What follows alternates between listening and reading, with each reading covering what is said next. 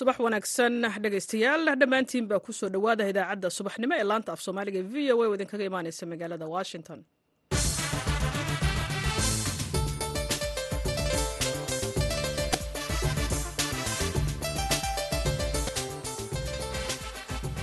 waa subax sabti ah bisha februari waa koob iyo toban sanadku waa laba kun saddex iyo labaatan. Waxaad naga dhagaysanaysaan mawjadaha gaagaaban ee lix iyo tobanka iyo sagaal iyo tobanka mitirban iyo bogga v o a somaali com. Saacadda afrikada bari waa lixda iyo barka aroornimo idaacadda saaka iyo caalamka waxaa idinla socodsiinaysaa caashe ibraahim aadan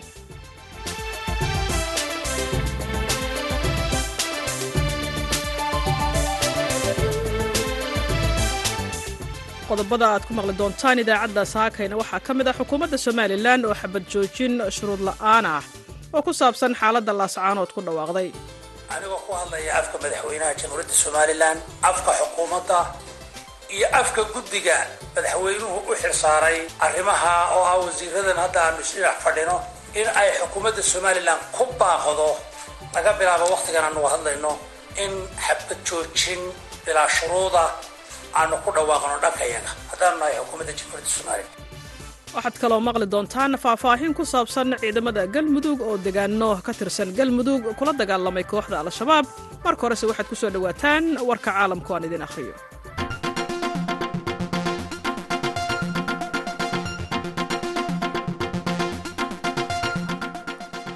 hay'adda dambi baarista gudaha ee maraykanka ee f b i ayaa waraaqo cusub oo sir ah. Waxa ay ka heshay guriga madaxweyne ku-xigeenkii hore ee maraykanka mike bens ee ku yaalla gobolka indiana. Intii lagu guda jiray baaritaan ay saraakiisha hay'addu ku sameeyeen maalintii jimcaha. Baaritaankan ayaa yimid kadib markii qareennada mike bens ay guriga madaxweyne ku-xigeenka ka heleen bishii hore waraaqo xasaasi ah oo ay dowladdu leedahay.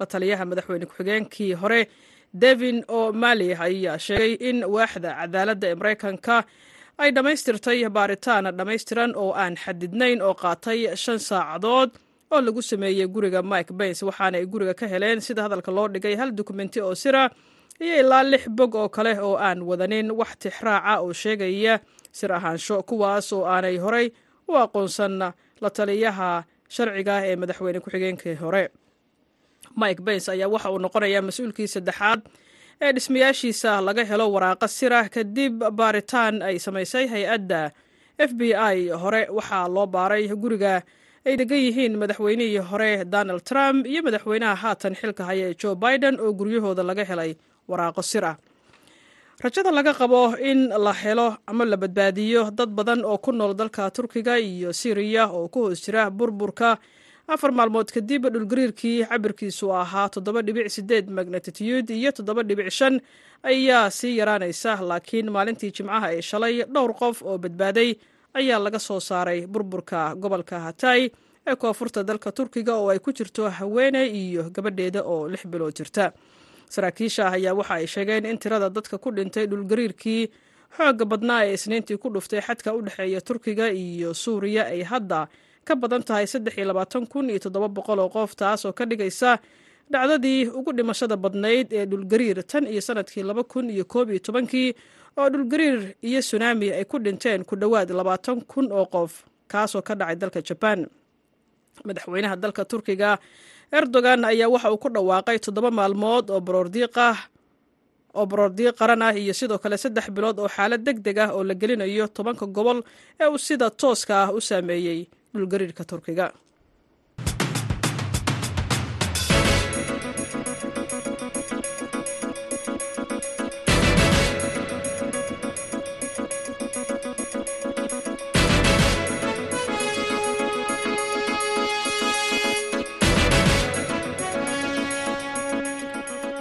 sabti oo wanaagsan ayaan mar kale hawada idinka leenahay. Meel kastoo aad naga maqlaysaan. Aan ku bilownay xukuumadda somalilan ayaa xalay. Waxa ay ku dhawaaqday xabad joojin shuruud la'aanah oo ku saabsan xaaladda magaalada laascaanood kaas oo ay ku dhawaaqday dowladda faahfaahinta. Warkan waxaa warbixintan ka soo diray magaalada hargeysa wariyaha v o e da khadar maxamed cakulle ku dhawaaqidda xukuumadda somalilan ku dhawaaqday xabad joojin bilaa shuruuda oo dhinaceeda ah kuna saabsan degmada laascaanood oo maalmihii ugu dambeeyey. Ay dagaalla ka socdeen ayaa waxaa ku dhawaaqay wasiirka wasaaradda warfaafinta dhaqanka iyo wacyigelinta somalilan saleebaan yuusuf cali koore. Waxaana wasiirka ka hor halkaasi faahfaahin dheeraada ka bixiyey islamarkaana tilmaamay in xukuumadda somalilan ay danaynayso in nabadgelyo lagu soo dabaalo degmada laascaanood iyo gobolka sool. Wasiirka arrimaha gudaha somalilan maxamed kaahin axmed. Gobolka sool xaaladaha ka jira ee muddooyinkan u dambeeyey ka socday waxaa xukuumadda somalilan ay aada iyo aada uga xun tahay in halkaas dhibaata ay ka dhacdo. Dadna ay ku nafwaayaan waxaa marka ugu horreysa xukuumaddu ay tacsiyadeynaysaa dhammaan dadkii shaqaaqadaas ku geeriyooday in ilaahay naxariista jannada ka waraabiyo ehelkoodii iyo qaraabadoodiina samir iyo imaan ilaahay ka siiyo dadkii dhaawacmayna ilaahay uga boogadhayo arrintaas xukuumadda somalilan waxay u xilsaartay xubno golo wasiiraa golahani isla markii ugu horreysay bilowgii xaaladani ay dhacday iyadoo maxaanku dhahday aan dhib fara badani aanay dhicin. Waxay la kulmeen waayeel iyo waxgarad maxaanku dhahday gobolka ka tirsan oo ay ka mid yihiin guddiga saddex iyo soddonka xubnood ee loo xil saaray inay arrintan gobolka iyagu ay ka hadlaan. Waxay la kulmeen xubno kale iyo waayeel iyo odayaal kale. Waxay soo jeediyeen isla markii hawshan ay ka howlgaleen ee magaalada laashcaanood ay tageen ugu yaraan saddex jeer ayay guddida golaha wasiiradii ay soo jeedisay baaq nabadeed oo odhanaya xaaladda nabadgelyaha lagu soo dabaalo wixii maxaanku dhahdaye dareen siyaasadeed wixii tabasho ah wixii bulshadu ay tabayso in lagaga wada hadlo miiska dushiisao si nabadgelyale looga wada hadlo. Waxaa kaloo weheliya in madaxweynaha jamhuuriyadda somalilan ee guddigan magacaabay isaguna xafiiskiisa uu kula kulmay waayeel iyo waxgarad iyo siyaasiyiin kale oo gobolka ka tirsan layskuna afgartay in nabadgelyadana la xoojiyo. Wadahadalna maxaanku dhahdaa la ysugu yimaado madaxweynuhu uu sii daayey baaq nabadeed oo ah in nabad lagu wada noolaado nabadna xaaladda lagu soo celiyo isla mar ahaantaasna waxa laale iyo wixii guud ahaan iyo gaar ahaan deegaanka beeshu ay tabanayso inay dowladuna diyaar u tahay inay arrintaa qeybteeda ka qaadato isqancin iyo wada hadalna lagaga wada hadlo. Intaa dabadeed xaaladaasi maanta muddada ay socotay dhibteeda ayay leedahay.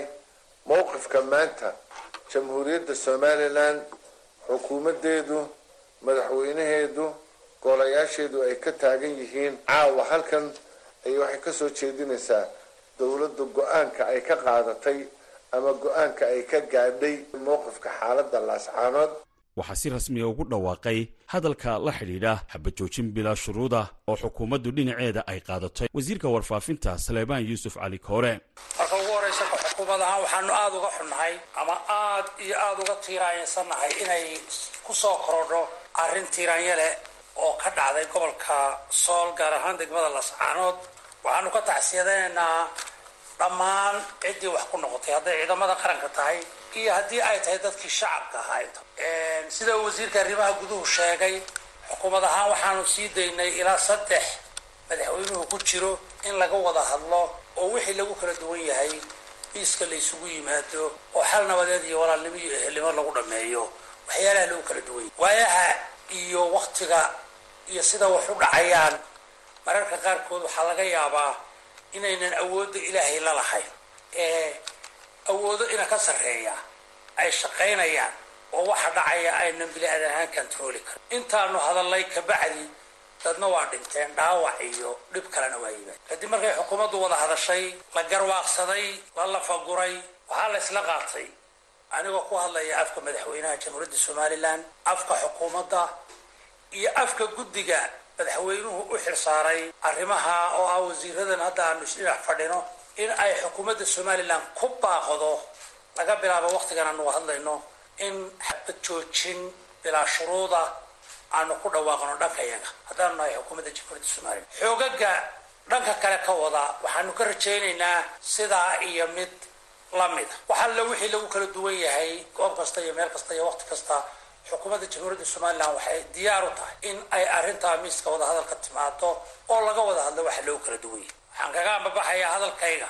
Dhibaatada jirtaa hadba meesha markaa ay taagan tahay ayay ugu yartaa maanta halka ay taagan tahay haddaynu ku afqabanno kulligeen guul baynu wada joognaa. Ma wixii loo dhaafaaba waa khasaare ka badan ama ka ballaadhan kii hore? Waxaan ku celinayaa dowladda jamhuuriyadda somalilan waxay diyaar u tahay inay miiska wadahadalka timaado xabadana joojiso. Walaalahayo iyo dadka aanu kala afkaarta nahay iyo dadka sharafta leh iyo dadka noloshu qiimaha ugu fadhido iyo dadka dadka hogaamiya ee karaamada iyo sharafta leh ee arrintani dhibayso waxaanu iyagana ka filaynaa inay go'aamada kuwa lamida qaataan oo ay xabadda bilaa shuruud ku joojiyaan miiskana la yimaado. Waxa aan wax ka weydiiyey go'aanka xukuumaddu caawa ay qaadatay ee xabad joojinta bilaa shuruudda ah guddoomiyaha dalladda sonsaf ee urada aan dawliga ahayn anwar cabdiraxmaan warsame. Waa su'aal wanaagsan khadar walaalo. Waad og tahay dee dagaalkan aad baa walaac looga muujinayay guda iyo dibadba baryahana waxaad ogeed in baaqiyo kala duwan ee beesha caalamka iyo gudaha somalilanba la soo saarayey. Marka arrintan waxay ahayd arrin aada iyo aad muxuu ahaa dhan walba walaac laga muujinayay laakiinse caawa haddii ay xukuumadda somalilan ay ku dhawaaqday inay xabad joojin samaynayso bilaa shuruuda dhankeeda waxaan u arkaa dayda inay tahay arrin aada iyo aada u wanaagsan oo soo afjari karta ama damin karta colaadii ka taagnayd gobolka sool gaar ahaan degmada laascaanood. Marka waxa weeyaan arrin aada iyo aad loo soo dhaweynayo xukuumaddana waan ku hambalyeynayna inay ka falcelisay baaqiyadii kala duwanaa ee loo soo jeediyay gudayo dibadda. Dhanka kale walaal qadar waxaad ka warqabtaa dee annaga ka soo saf ahaan ama ka bulshada reydka ahaan inaanu daraad hore oo ahayd bishu toddobadii bishan aynu ku jirno inaanu soo saarnay baaq aanu ku sheegayno nu leenahay xabadda hala joojiyo si shuruud la'aana maadaama xabaddu aanay xalhayn oo miiska wadahadallada lagu soo noqdo. Marka horeysa iyo dambaysaba waxaan u qabaa dacmaan u arkaa inay tahay tallaabo wanaagsan oo loo qaaday dhinaca positiveka ama dhinaca wanaaggaa waxaan nolo lahaa hala soo xukuumadda iyo magaranaysa go'aankana waanu ku hambalyeynaynaa aad iyo aadna waanu soo dhaweyna waxaana rajaynaa insha allahu tacaala in intaasi uu nagaga qabooba dagaalkii iyo colaadii ka dhacayay gobolka sool gaar ahaan degmada laascaanood dhanka kalena waxaanu soo jeedinaynaa in iyaga laftooduna u hogaansamaan oo iyaguna ay magaranaysa joojiyaan xabadda oo miiska wadahadallada laysugu yimaado wadahadalna lagu dhameeyo wixii arrimiya maaxii kala duwanaanshaha jira. Khadar maxamed cakulle v o a. Hargeysa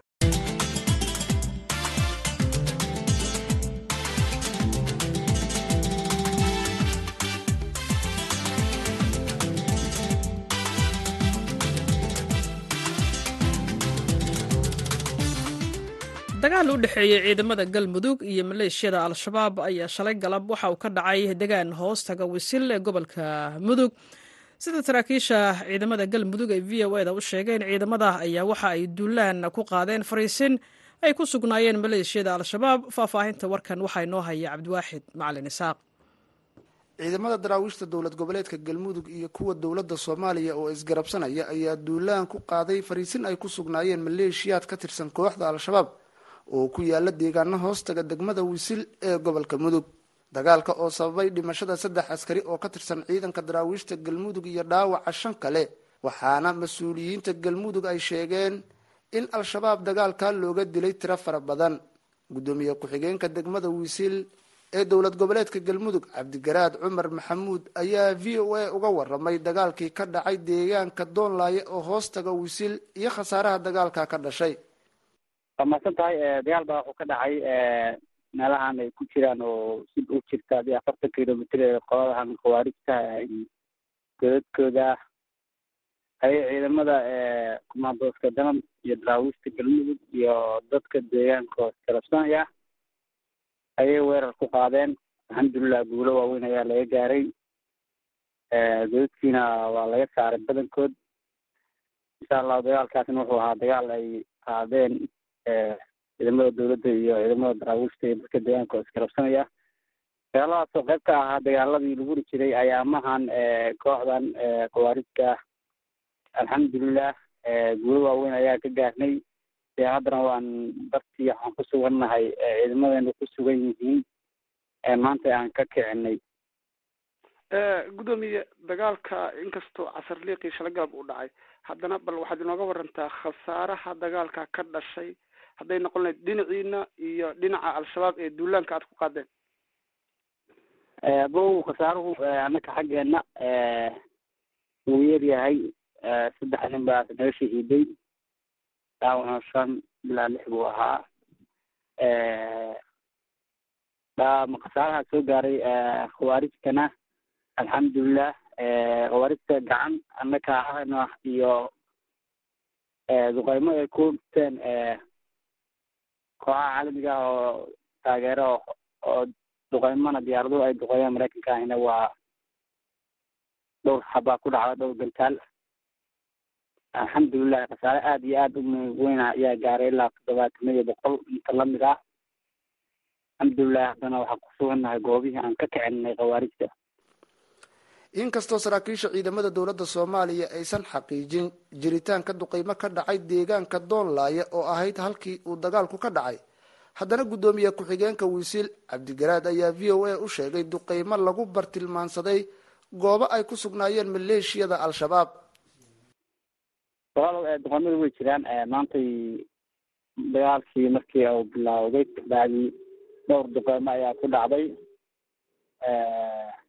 welina waa lagu wadaa qolaha macnaha taageera dowladda soomaaliyana way ku dhufteen laba jeer laba gen saddex gantaal ayaa ku dhacday maantay ilaa dhowr gudub ama dhowr meelood ay deganaayeen saldhig ay ku lahaayeen bay ku dhifatay oo ah aaga aagaga caad iyo inta udhexaysa camaara iyo inta u soo udhexaysa camaara iyo wisil iyo ilaa ayay ku dhufteen ilaa saddex jeer goobihii ay ku dhufteen goobo kamidana anakaa qabsanay haddana waa ku sugannahay. Insha allahu haddii ilaahay qadaro. Waana jecelnahay inaan hore ugu sii soconno haddii ilaahay qadaro. Qaybaha ciidamada dowladda soomaaliya daraawiishta dowlad goboleedka galmudug iyo dadka deegaanka ayaa muddooyinkan waday howlgallo ka dhanaa al-shabaab. Waxaana ciidamada wada jira ay maalmo ka hor al-shabaab ka qabsadeen deegaanka gabdhaale ee gobolka galgaduud. Cabdiwaaxid macalin isxaaq v o a hobyo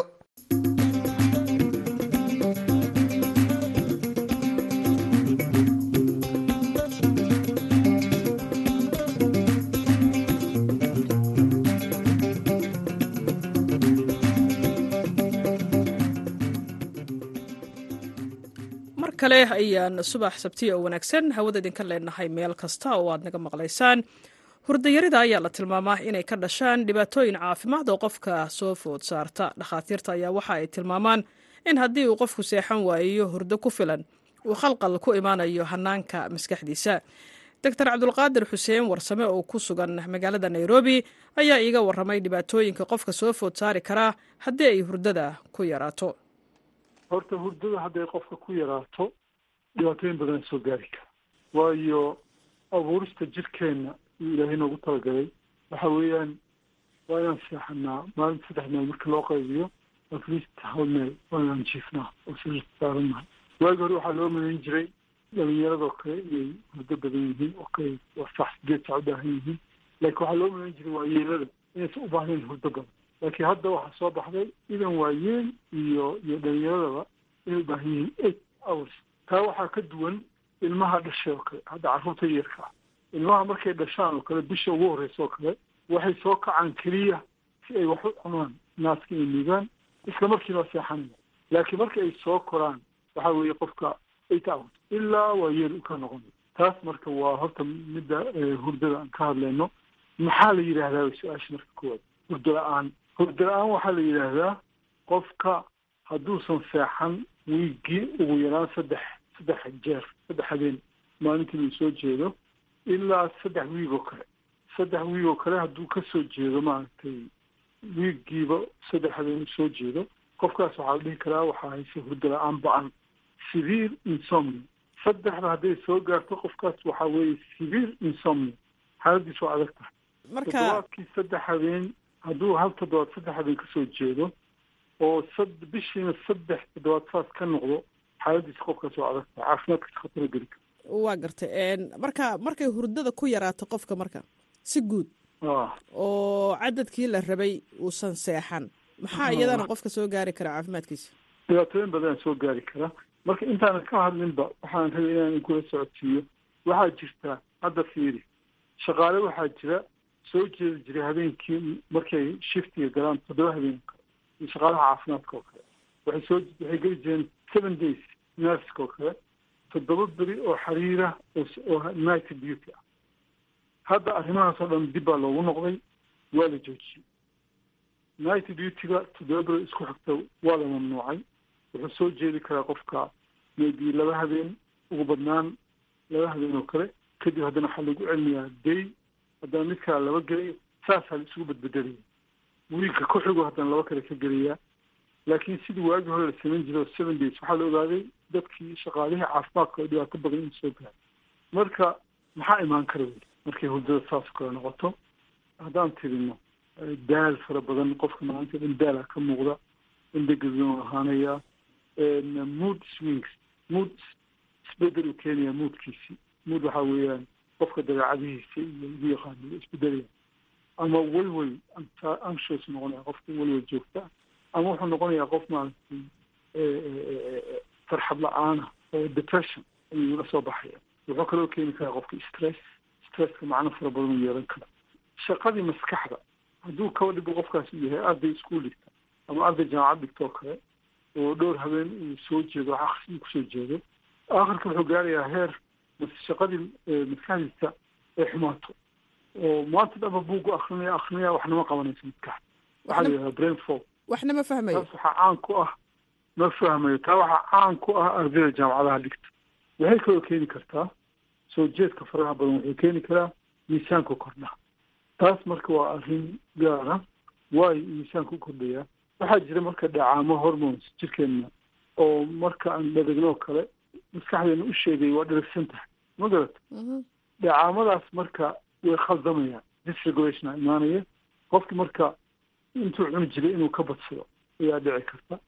Ama cuntada inuu kaba go-do labadu way keeni karaan. Waxaa imaanaya ragga oo kale for example hormonkan testosteronka hoos u dhacaa waa la arkay. Ragga aada u soo jeeda testosteronkooda inuu hoos u dhaco. Marka hadduu yahay nin xaas lahaa oo kale waxaa ku imaanaya isbeddel oo xiisihii maaragtay guriga iyo waxaasaa yaraanaya waxaa imaan kara marka wadna xanuun baa imaan kara oo colesterolkaa badanaya.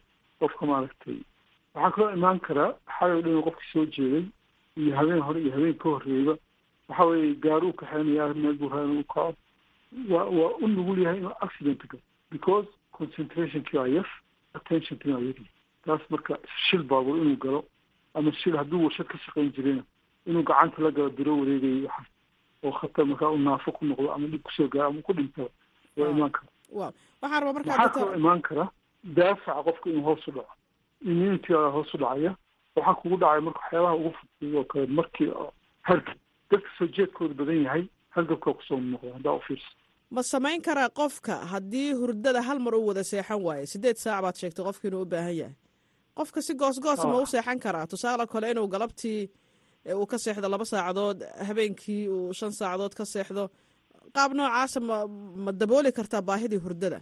Mise waa in hal mar qofka isku xigta. saac gudahood soo ma afar labaatan saac gudahood haa micnihii si tafaariiqa hurdadii ma ma u qaadan karaa waxoo dhan marka hadday isugu yimaadaan eight hours ma xuma laakiin siba sibay dhaantaa haddii habeenkaas maaragtay hurdada aad kaaga xumaato at least galabta ku xigto hadaad seexato. Waa wax dhanba haddii qofka marka hurdadiisa ay hagaagto oo hurdadiisii ay toosto faa'iidada ku jirta kow iyo laba maxaa ka mid ah?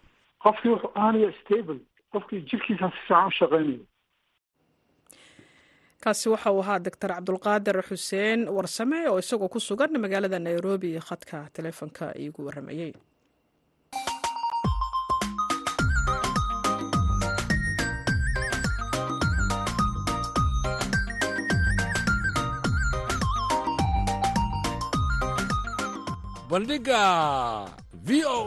barnaamijka bandhiga v o a waa barnaamij idinku tala gashay laanta af soomaaliga ee v o a bandhigga v o a waxaad khamiis walba kaga bogan kartaa qormooyin kala duwan oo la xidhiidha taariikhda iyo aqoonta guud dhaqaalaha sharciga iyo samafalka.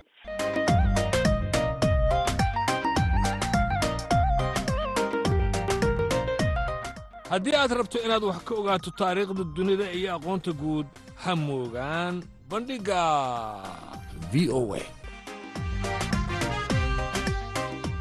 bandhiga v o e kala soco laanta af soomaaliga ee v o e maalin kasta oo khamiis ah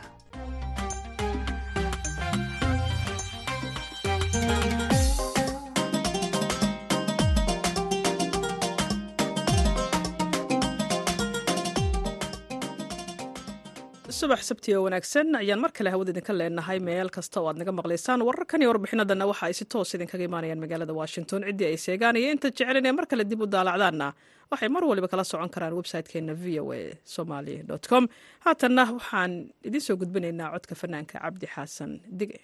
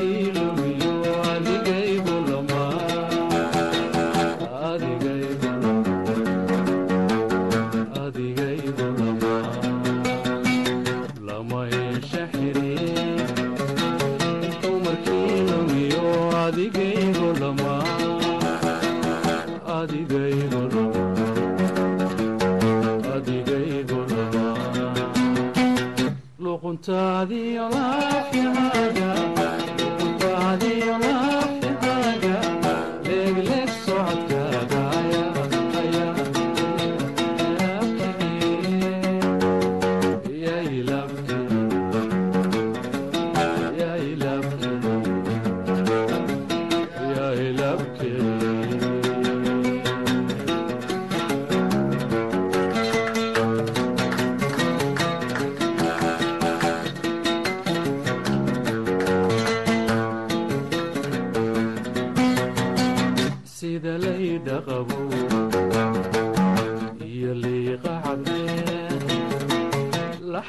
Gadar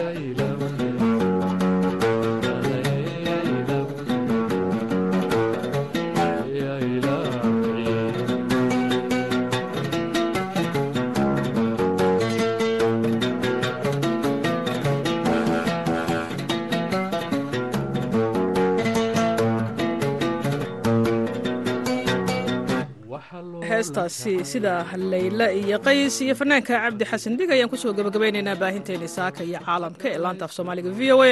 Waxaa idinla socodsiinayay anigoo ahaa caashi ibraahim aadan. Dhinaca farsamada waxa uu ahaa ismaaciil xuseen maxamed farjar. Intaan mar kale kulmayno nabadgelyo